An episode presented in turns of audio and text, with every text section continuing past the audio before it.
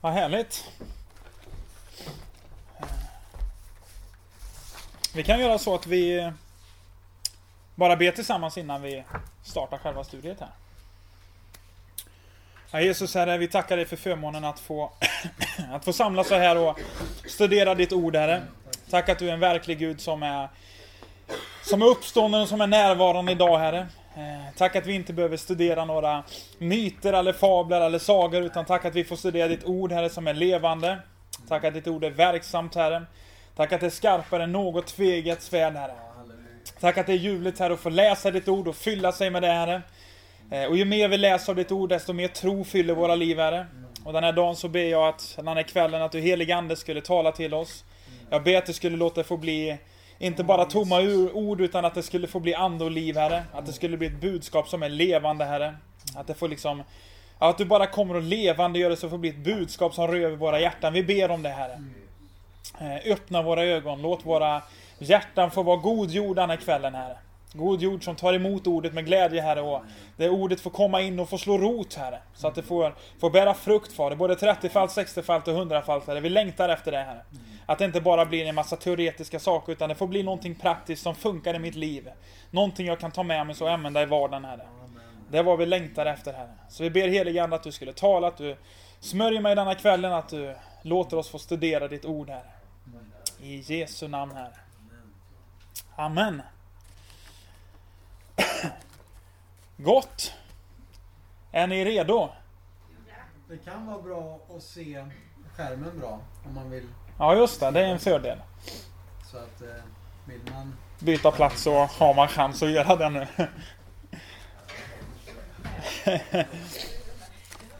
eh.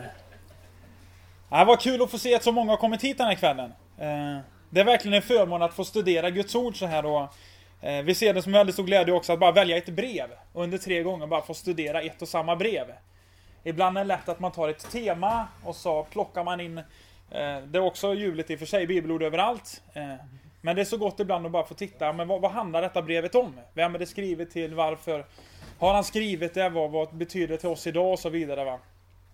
Så det är en jätte, jätteglädje att få få börja detta studie då om brevet till Titus. Får jag bara se, har vi biblar med oss idag va? Amen. Och ni har något att skriva på kanske? Ja, det är väldigt bra det här. Eh, det är en bra grund kan man säga. Om man tittar en liten kort bakgrund här bara, brevet till Titus. Så eh, de flesta vet nog om att det är Paulus som har skrivit brevet. Eh, man tror att det skrevs ungefär år 63-64 någonstans. Eh, förmodligen från Makedonien. Eh, det är ju inte helt klart, men det är vad man tror. Ungefär samtidigt som första Timoteusbrevet skrevs. Vissa tror att det skrevs mellan första och andra Timoteusbrevet. Eh, och det är så här att, att Paulus, han har varit på Kreta tidigare. Men är nu på väg österut och stannar till på Kreta där han lämnar kvar sin följeslagare Titus. Det är så att tidigare alltså Paulus rest upp till Rom. Eh, där han kommer till, alltså, satt i fångenskap. Eh, och då träffade, var han på Kreta under tiden. Eh, och sen när han blev frigiven från Rom eh, så skulle han resa österut. Eh, och på vägen österut så stannar han till på Kreta. Eh, där han ger lite anvisningar och då han träffar församlingen och uppmuntrar dem och förmanar dem. Eh, och så lämnar han kvar Titus där. Som alltså följt med Paulus tidigare. Och så fortsätter han själv att, att fortsätta resa österut då. Eh, så att det är där vi är ungefär nu.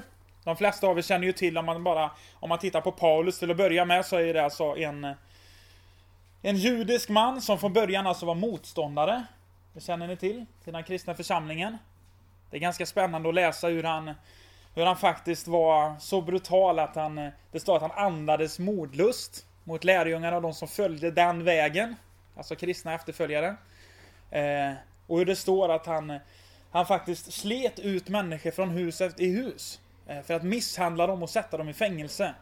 För sin tro på Jesus. Och, eh, och denne Paulus vet ni får möta Jesus, får sitt liv faktiskt fullständigt förvandlat. Den han tidigare förföljde, den han tidigare tryckte undan och ville liksom utrota. Den plötsligt får han möta. Och så blir han en följeslagare. Och han blir utrustad av Gud till att vara ett vittne för honom.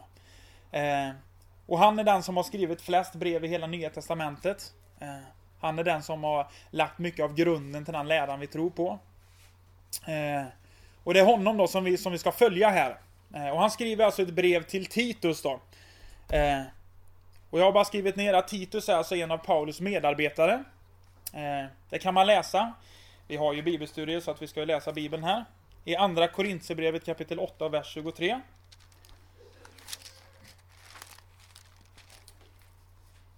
Eh. Så har Paulus skrivit där också. Eh, så skriver han att när det gäller Titus så är han min vän och medarbetare hos er. Eh, och vad beträffar våra andra bröder så är det församlingarnas sändebud till Kristi ära. Jag vill bara få fram att när det gäller Titus så är han min vän och medarbetare. Han var alltså en god vän till, till Paulus. Han var en medarbetare som hjälpte Paulus, som, som reste tillsammans med honom. Och Paulus nämner honom i, i, i just Titusbrevet här i kapitel 1 och vers 4. Så nämner han att jag hälsar Titus mitt äkta barn i den gemensamma tron. Eh, och av det så kan man nog tyda ut att förmodligen så har Titus blivit frälst genom Paulus arbete. Eh, kanske genom Paulus förkunnelse och det arbete han bedrev så har alltså Titus kommit till tro. Eh, och han kallar honom som sitt äkta barn. Så han är en medarbetare som som alltså reser tillsammans här med Eh, med Paulus. Eh, det står i andra Korinthierbrevet kapitel 8 vers 16-17 att, att Titus det är en hängiven och ivrig medarbetare. Eh, kan slå upp det, det stycket också. Andra Korinthierbrevet 8.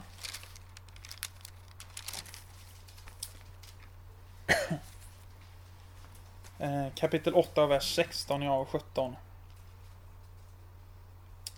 Så skriver Paulus att vi tackar Gud som i Titus hjärta har väckt samma hängivenhet för er. Han inte bara lyssnade till vår uppmaning, utan ivrig som han var så gav han sig iväg till er av egen fri vilja. Eh, här gäller det ju insamlingen till de, att de heliga, eller till församlingen i Jerusalem. Och eh, hur Gud då, alltså i Titus hjärta, har väckt samma hängivenhet att jobba på samma sätt som Paulus gjorde. Och han är väldigt glad över det och han säger att han inte bara lyssnade till en uppmaning att åka då till Jerusalem utan, utan ivrig som han var så gav han sig iväg av egen fri vilja. Någonting hade hänt i Titus hjärta som gjorde att han var ivrig att förkunna evangelium. Han var ivrig att få resa vidare och, eh, och vara med och, och sprida evangeliet om Jesus. Eh, detta är lite vem, vem eh, Titus är då? Han hade tidigare varit, jag skrivit, på uppdrag i Korint. Eh, och då var det för att reda ut vissa problem med den församlingen. Eh, så att han var en, en god medarbetare till Paulus. Paulus hade alltså sänt iväg honom tidigare. Eh, eh, för att lösa vissa problem med församlingen i Korint. Jag tror ni flesta av er känner till att det var en och annan problematik i församlingen i Korint. Och för att lösa ett av dessa så sände han alltså dit Titus. Och det är ganska spännande att läsa det också. Ju mer man studerar vill jag bara säga, desto hungrigare blir man på att läsa ännu mer. Jag har suttit här och läst och man har försökt att pussla ihop ett och annat och läsa. Eh, och så blir man bara, jag vet ju nästan ingenting känner man sig som. Ha. Eh, och man läser och man läser och man tänker wow vad spännande det är. Tänk om man bara kunde ta mer tid av att få studera Guds ord. Mm. Ännu mer tid av att, att se sammanhangen. Hur de faktiskt reste, hur det fungerar. Och, eh, en av de här roliga grejerna är att Eh, att när Paulus, han hade ju själv varit i Korint men, och skrivit första Korintierbrevet, alltså till korintierna då. Eh, och sen så blev han lite orolig för han visste inte riktigt hur de hade tagit emot det. Eh, han skrev ganska hårt till dem. Ni känner igen första Korintierbrevet va? Han uppmanade dem där. Eh, och han visste inte riktigt, så hade han sänt dit nu då Titus för att se hur allting var. Själv så var han ute och reste. Eh, men så kände han att jag vill också tillbaka dit för att se hur allting egentligen går. och då hade man ju inte samma uppkoppling som vi har idag va. Här idag så bara ringer man ett samtal och så checkar man av hur läget är. Det funkar inte riktigt på den tiden utan de skrev brev och det tog lång tid innan det liksom kom fram. Eh, och innan de kunde få svar igen och så vidare. Så, eh, han hade stämt träff med Titus i Troas. Alltså. Eh, bara för att se hur, hur, hur stod det till med korintierna och framförallt hur stod det till med Titus. Det var länge sedan de hade setts och, eh, och så, så, så Paulus här, han reser upp till Troas. Alltså. Eh, men han hittar honom inte där. Man kan läsa om detta i andra Korintierbrevet, kapitel 2. Vi kan läsa de verserna faktiskt. I andra Korintierbrevet 2 kapitel 2 ja, och vers 12 och 13. Så skriver Paulus att när jag kom till Troas för att predika Kristi evangelium så hade Herren öppnat en dörr för mig. Ändå så fick jag ingen ro i min ande, eftersom jag inte fann min broder Titus där. Så jag tog avsked av dem och for till Makedonien. Kan ni bara tänka er att här är Paulus, han som är en av de stora apostlarna, som predikar evangelium på plats efter plats. Han skulle åka till Troas för att möta Titus. Stämma av hur arbetet hade gått och så kommer han till Titus och dörren, en dörr hade öppnats för evangelium. Det är fantastiskt. Men ändå så får han ingen ro i sin ande. För han hittar inte Titus där. Bara det kan man faktiskt känna av i texten att det måste funnits ett jättespeciellt förhållande mellan Paulus och Titus. De stod varandra väldigt nära tror jag. Och jobbade intensivt tillsammans. Även att en dörr hade öppnats för evangeliet så fick han ingen ro i sin ande. Han bestämmer jag får åka vidare till Makedonien. Eh, och, och, fortsätter man att läsa här så, eh, så träffar han sen lite längre fram i kapitel 7. Så har han kommit till Makedonien och i kapitel 7, alltså i andra Korintierbrevet och, och från vers 5. Eh, så står det att när vi kom till Makedonien så fick vi ingen ro, utan vi var på allt sätt trängda, utifrån av strider och inifrån av oro. Men Gud som tröstade modlösa, tröstade oss genom Titus ankomst. Men äntligen kändes det som att nu fick jag träffa honom. Det står väl till med honom. Och inte bara genom hans ankomst, utan också genom den tröst som han hade fått hos er. Han berättade för oss om er längtan, er klagan och er iver för mitt bästa, så att jag glädjer mig ännu mer. Ty även om jag gjorde er bedrövade med mitt brev så ångrar jag det inte nu. Först ångrar jag mig eftersom jag såg att brevet gjort er bedrövade, om än bara för en tid. Och så fortsätter han, men nu glädjer jag mig.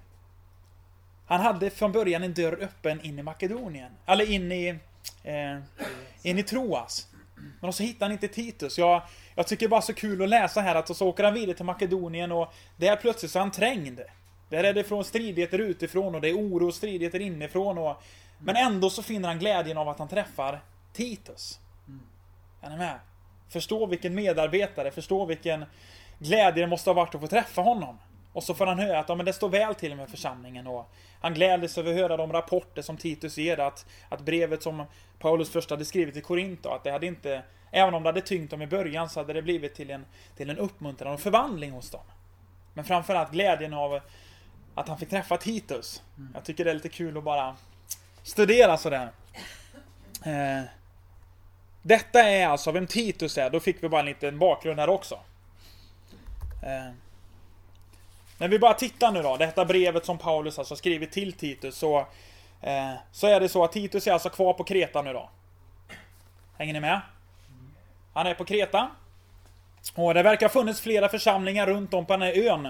Därför att i, i Titus 1 och 5 eh, så skriver Paulus så här att när jag lämnade dig kvar på Kreta så var det för att du skulle ordna det som ännu återstod och i varje stad insätta äldste efter mina anvisningar. Alltså i varje stad insätta äldste. Alltså innebär att det måste ändå funnits församlingar i varje stad.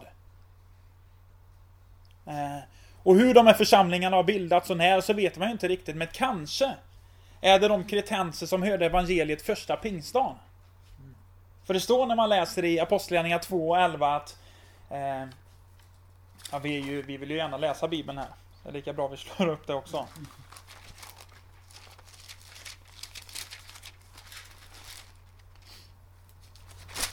Eh. Så är det plötsligt när, de, när anden har fallit här eh, och de börjar tala alla, alla möjliga språk så står det i vers 11 att vi som är judar eller proselyter, kretenser eller araber, vi hör dem tala på vårt eget språk om Guds väldiga gärningar. Alltså var det kretenser, folk från Kreta, på pingstdagen och lyssnade på Petrus. Eller hur? Så kanske är det så att de senare åkte hem igen och tog med sig evangeliet och spred evangeliet dit och församlingar grundades och etablerades. Förmodligen så var Paulus på sin första resa till Kreta med och grundade säkert församlingar också. Uppmuntrade dem och delade med sig av sitt andligt goda. Eh, det är vad man kan tro. Eh, och Titus uppdrag då? Det var att han skulle insätta Alste i församling efter församling. Han skulle ordna de förhållanden som faktiskt verkade lite oorganiserat på Kreta. Det verkar som att församlingarna var lite oorganiserade och det verkar lite ostrukturerat. Det är därför Paulus är där och Titus är där. Eh, och när de kommer dit gemensamt så säger han alltså åt honom att insätta äldste eh, efter mina anvisningar. Eh, och sen så åker Paulus alltså vidare och lämnar kvar eh, Titus här. Eh, och det står att han muntligen gav honom anvisningar hur han skulle göra. Men finner det förmodligen ändå angeläget att skriva ett brev senare. Allting var säkert inte klargjort ändå. Titus började ett gott arbete. Ändå kände Paulus att jag får nog skriva ett brev ändå. Det är lite tillägg här, det är lite saker vi måste skärpa upp i församlingen. Eh, så därför skriver han Titusbrevet. Eller brevet till Titus. Hänger ni med på grunden här? Lite snurrigt kanske. Eh, vi ska göra så att vi, vi läser från kapitel 1 och vers 1 här.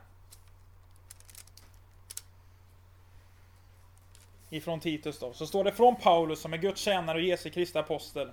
Sänd att leda Guds utvalda till tro och till insikt om den sanning som heter Guds fruktan. Och som ger hopp om evigt liv. Ja, evigt liv har Gud som inte kan ljuga. Utlovat från evighet. Och när tiden var inne så uppenbarade han sitt ord genom den förkunnelse som har anförtrotts åt mig på Guds, vår frälses befallning. Jag hälsar Titus mitt äkta barn i den gemensamma tron. Nåd och frid från Gud Fadern och Kristus Jesus vår frälsare. Så sen så när jag lämnade dig kvar på Kreta så var det för att du skulle ordna det som ännu återstod. Och i varje stad insätta äldste efter mina anvisningar. En sådan ska vara oförvitlig. En enda kvinnas man och ha troende barn som inte kan beskyllas för att vara ostyriga eller uppstudsiga.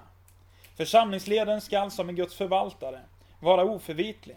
Han skall inte vara självgod, inte häftig, inte missbruka vin, inte vara våldsam eller girig, utan gästfri, godhjärtad och förståndig, pålitlig, gudfruktig och behärskad. Han ska hålla sig till lärans tillförlitliga ord så att han genom en sund undervisning kan uppmuntra andra och vederlägga motståndarna. Kände ni vilken härlig kvalifikationslista som kom där? Det var inte ett och annat ord han fick med kan jag säga. Jag skrev så här, ledare i församlingen. Eh, Paulus använder faktiskt två olika ord där. Först så säger han att, eh, att han ska insätta äldste. Som alltså, det grekiska ordet här är presbyteros. Och sen säger han lite längre ner att församlingsledaren, och det är episkopos. Men när man läser sammanhanget så förstår man att, att även om det är två olika ord så är det en och samma tjänst. Och jag tror att det är just ledare i församlingen, eller församlingsledare som man vill insätta. Om man bara backar tillbaka och tänker på, eh, på Mose. Så hade Mose en väldigt tung börda ett tag. Eh, han hade väldigt mycket att göra. Eh, och det var väl hans svärfar Jetro som kom med en idé. Och sa att det, det, det är inte bra för dig det här. Eh, att du själv och ensam måste bära hela denna bördan. Därför ska vi se ut ledare som kan hjälpa till att avlasta arbetet du gör. Och det tror jag att den här ledare i församlingen inkom, alltså deras funktion, eller äldste som vi kallar det, de är till för att avlasta Eh, den som leder församlingen. Är ni med? Att hjälpa till med många olika delar för att faktiskt avlasta det arbetet som församlingsledaren eller församlingsföreståndaren har. Eh, och så räknar han upp massa kvalifikationer eh, som gäller för en, en sån här ledare då i församlingen. Och det som jag förundras över när jag läser de här olika eh, orden är att det handlar ju inte om någon akademisk utbildning. Han nämner inte att de ska ha läst teologi i fyra år. Eller hur? Han läser inte att de ska ha gjort tjänst visst antal år. Och så vidare och så vidare och så vidare. Vad han nämner är ju amoraliska aspekter. Han nämner att ni ska ha ett liv som överensstämmer med det tal och det ni predikar. Ni ska vara trovärdiga. Och hela tiden så talar han om saker som faktiskt är karaktärsdanande. Och det är det som han trycker de stora grejerna som gäller för en församlingsledare. Inte i första hand att man skulle vara ansedd av alla andra eller att man skulle ha det gott ställt. Utan att man håller en hög nivå, en hög standard i sitt liv. Eh, och ordet oförvitlig eh, räknar han upp två gånger, det är också lite intressant. Han tar med det ordet två gånger. Eh, och jag tänkte vad var oförvitlig? Alltså oklanderlig. Stora om man slår upp det ordet i svenskan. Eh, alltså att man är klanderfri, är ni med? Det är vad man ska vara. En, en som är klanderfri, oklanderlig, oförvitlig. Eh, nästa sak är står en enda kvinnas man. Eh. Och det är ju bra att inte ha fler fruar då. Antar jag. Utan en enda kvinnas man. Eh, det har ju rått lite olika delade meningar om det handlar om att man eh, är ni med att man inte ska ha skilt sig och gift om sig utan man ska vara en enda kvinnas man? Jag tror eh, att det handlar om att man ska vara trogen en kvinna. Eh, att det är vad det handlar om. Eh, att det är också en sak som, som ställs en hög moralisk aspekt på. Att man lever troget eh, i äktenskapet. Han ger bilden att säga att ha troende barn som inte kan beskyllas för att vara ostyriga eller uppstudsiga. Eh, jag tror att han här länkar församlingen till familjen.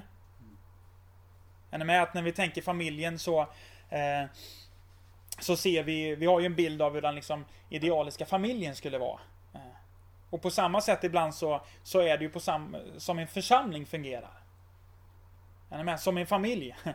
Man har mamma och pappa, man har ett ledarskap i församlingen. Man har barn som växer upp, vi har ständigt människor som kommer till tro. Som är nya i tron, som vi ska uppfostra. Som är som andliga bebisar. Eh, och han säger att att om en ledare i församlingen kan ju inte vara någon eh, som inte, om man inte kan ta hand om sin egen familj, säger han i stort sett. Hur skulle han då kunna ta hand om Guds församling? Hänger ni med? Mm. Jag tror att detta är jätteviktigt. Eh, att vi lever ju inte bara ett andligt liv, vi är ande, själ och kropp. Allt vad vi gör hänger ihop. Och även om vi är duktiga på vissa grejer så stämmer inte det livet överens med mitt vardagliga liv. Så är det väldigt svårt för mig att få förtroende eller vara ledare i en församling. Eh, men om det stämmer överens då är det ju fantastiskt. Så han säger att han har troende barn som inte kan beskyllas för att vara ostyriga eller uppstudsiga. Eh, alltså ha barn som, som lyssnar och lyder. Eh, och man undrar när han säger ha troende barn, undrar om en församlingsledare var tvungen att ha barn då? Det tror jag inte, men man vet inte. Kul att skicka ut lite frågor här bara. Det står att han inte ska vara självgod. Han ska inte vara häftig. Och jag tror inte det menar cool här då, utan... Eh, ni förstår vad jag menar. Han ska inte missbruka vin. Han ska inte vara våldsam. Och han ska inte vara girig. Eh, jag slog upp lite ord där därför att jag tycker det var lite eh, spännande här. Eh, men det är på nästa vända förresten som jag har slått upp dem. De här förstod man ganska väl allihopa. Eh, Eh, Girig är också en sak som man inte ibland talar så jättemycket om. Man tar vissa aspekter som att man inte skulle vara berusa sig som en viktig grej och man talar att man inte ska vara våldsam och, och de här grejerna. Men just att man inte ska vara girig heller. Bibeln talar att en församlingsledare ska vara en generös ledare. Mm. Där man märker att han har en generös livsstil. Eh, både med sina ägodelar och pengar och med sin tid kan jag tänka mig, sitt hem. Eh, nu är det ganska höga, hög kvalifikationslista här kan jag tänka mig. Va? Men jag tror att det är viktigt att man tittar på sådana här delar. Han fortsätter att säga att, att en församlingsledare ska vara gästfri. Eh, godhjärtad. Eh, som alltså betyder varm, vänlig eller ädel. Är ni med? Det är bra om ni tänker efter nu hur våra församlingsledare är och ser om det stämmer överens här. Eh, han ska vara förståndig. Klok, vis, förnuftig. Är vad förståndig betyder. Han ska vara pålitlig. Vad betyder det? Han ska hålla sitt ord. Det han säger ska han kunna stå för. Man ska kunna lita på honom. Har jag sagt något i förtroende så vill jag inte höra att det sprids vidare. Han ska vara gudfruktig. En ganska bra grej för en församlingsledare, tänker jag. Att man fruktar Gud. Eh, pålitlig står också att han ska vara lojal och trofast. Okej? Okay. Han ska vara behärskad, alltså kontrollerad. Eh, han ska kunna styra sitt liv, mer eller mindre. Eh, det står att han ska hålla sig till lärans tillförlitliga ord. Vad innebär det? Det är att han ska hålla sig till vad skriften talar och säger. Och ibland tänker jag att när jag läser så inser man att oj, oj, oj. Här finns det mycket att slipa på i sitt eget liv. Men just det att man håller sig till skriften. Att även om jag inte alltid gillar det så underordnar jag mig det, mig det ändå.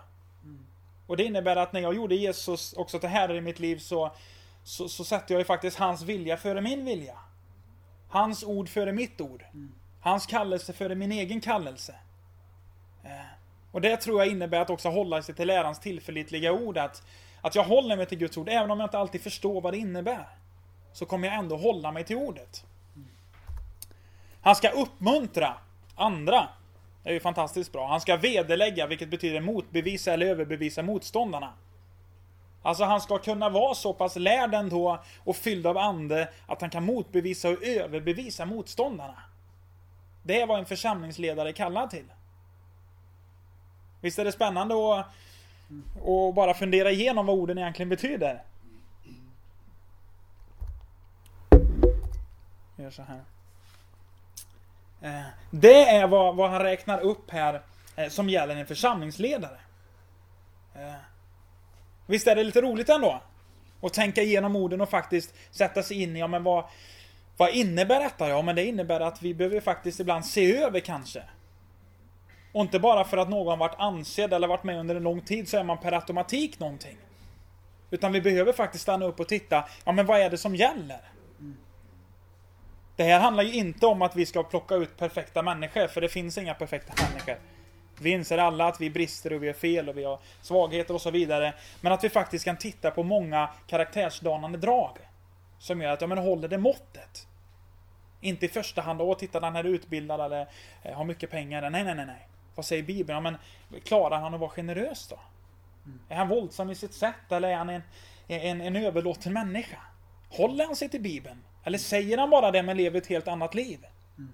Eh, och det är många här grejer som man radar upp alltså som gäller ledare i församlingen och eh, Vi ska fortsätta här och titta på problem i församlingen. För att det fanns ju ändå ett och annat problem här. Eh, vi kan läsa ifrån vers 10. Så står det att till särskilt bland de omskurna så finns det många orostiftare, pratmakare och bedragare. Där måste man tysta munnen på, för det vänder upp och ner på hela familjer genom att för egen vinning lära ut sådant som det inte borde. Ja, en av deras egna är en profet. Han har sagt att kreter ljuger alltid. De är vilddjur, glupska och lata. Härligt omdöme där. Det omdömet är sant. Måste kännas positivt för dem va?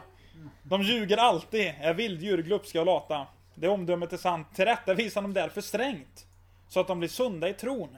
Och inte befattar sig med judiska myter. Och med stadgar för människor som vänder sig bort från sanningen. För det rena så är allting rent. Men det för de orena, för den som inte tror, är ingenting rent. Utan hos dem är både förstånd och samvete orenade. De försäkrar att de känner Gud, men med sina gärningar förnekar de honom. De är avskyvärda och olydiga, odugliga till varje god gärning. Det är inte dåligt vad han kapar de här i alla fall. De är avskyvärda och olydiga, odugliga till varje god gärning. Eh, problem i församlingen. Som faktiskt Titus hade att handskas med. För anledningen var ju nu att Titus var här. För att han skulle få ordning på församlingen. Han skulle insätta ledarna, han skulle titta vilka är det som ändå håller måttet och kan vara ledare i församlingen. Och så hade han fått här en lista, det här behöver du titta på Titus, när du sätter in de äldste i församlingen. När du ser efter vilka som ska vara med och leda, så behöver du kolla på den här listan. Och så fortsätter han att säga att det finns andra problem har jag hört, skriver Paulus här. Det är att bland de omskurna, alltså bland judarna, så finns det många orostiftare. Det finns många pratmakare och bedragare, alltså många skojare. Många bluffmakare och svindlare. Som, eh, som man måste tysta munnen på. Varför då? Därför att de pratar hela tiden och de pratar om sånt de inte borde prata. Och de börjar lära ut saker som inte stämmer överens med ordet. Utan för egen vinning, för att tjäna saker på egen hand, så lär de ut andra saker. Och han säger, vad, vad ska man göra då? Ni måste tysta munnen på sådana. Ni måste kunna vederlägga dem, motbevisa och överbevisa dem. Om vad som är sant. Dem eh, måste man tysta munnen på ja, därför att de vänder upp och ner på hela familjer. För att lära ut, för, för egen vinning lära ut sådana som de inte borde. Och så säger han nu hur, hur kreterna är då. Och det var inget positivt omdöme va? Eh, men han säger att ni måste tillrättavisa dem strängt. Han säger inte här att sätt bara in ledarna så kommer allting annat att lösa sig. Nej. Ni har problem som ni måste jobba med också. Det är att ni måste tysta ner de här. De som för egen vinning gör massa andra grejer. Eh, ni måste liksom tysta ner dem så att de blir sunda i tron. Tillrättavisa dem. Säg vad ordet säger. För de håller på att befatta sig med judiska myter. Eh, vad, vad, vad, är, vad är myter? Alltså påhittade antingen traditioner eller sagor eller... Är ni med? De håller på att dra massa saker som de ställer i samma auktoritet som Bibeln. Det antar jag vad, vad är han försöker säga här. Eh, det är vad de befattar sig med. Så, men, men, men ha inte med det att göra. Eh, och stadga för människor som vänder sig bort från, från sanningen. Det han egentligen säger att Eh, stadgar från människor, eller traditioner. Behöver ni inte följa om det inte stämmer överens med ordet. Eller hur? De här folket, de för människor vilse genom att för egen vinning göra andra saker. De för människor vilse genom att föra vidare judiska myter. Eh, eller människor, eller stadgar för människor som vänder sig bort ifrån sanningen. Eh. Och så avslutar jag med att säga så här att se till då att livet, jag tänker gärningarna här, stämmer överens med talet. Han säger att eh, så här att de är avsky, nu ska vi se, de försäkrar att de känner Gud, men med sina gärningar förnekar de honom. Alltså det finns människor som, som ibland predikar eller säger att vi är kristna. Ja, men vi tror också på Gud. Men med sina gärningar så förnekar de honom. Alltså är det inte i första hand bara bekännelsen. Eller hur? Mm. Utan livet över det måste överensstämma med det där. Ni vet att längre fram i Bibeln så undervisar Jakob och säger att, att tron utan gärningar är död. Mm. På samma sätt som kroppen utan ande är död. Och det betyder, kan jag tänka mig, inte att jag gör gärningar för att bli frälst. Men på grund av att jag är frälst, så kommer frukten. Gärningarna kommer därför att jag redan är överlåten. Och samma sak är det här att han säger att det finns människor som springer omkring och säger Jag är kristen, jag är kristen, jag tror på Gud. Men, men tittar man på deras liv så förnekar de ju Gud. De lever inte alls som Bibeln lär. Och han säger att tillrättavisa sådana människor strängt. Så att de blir sunda i tron. De är avskyvärdiga och olydiga, odugliga till varje god gärning. Någonstans så försöker han säga att var också lydiga mot ordet. Eller hur? Dessa människor var olydiga, vad betyder det? Att vi behöver vara lydiga. Mm. Vi behöver lyda ordet, följa ordet, tro på ordet. Så att det stämmer överens med det liv som vi, som vi faktiskt talar då, eller det liv som vi lever. Att det stämmer överens, ordet och mitt levnadssätt. Eh, jag tror att det är väldigt viktigt. Så bara kort sammanfattat här.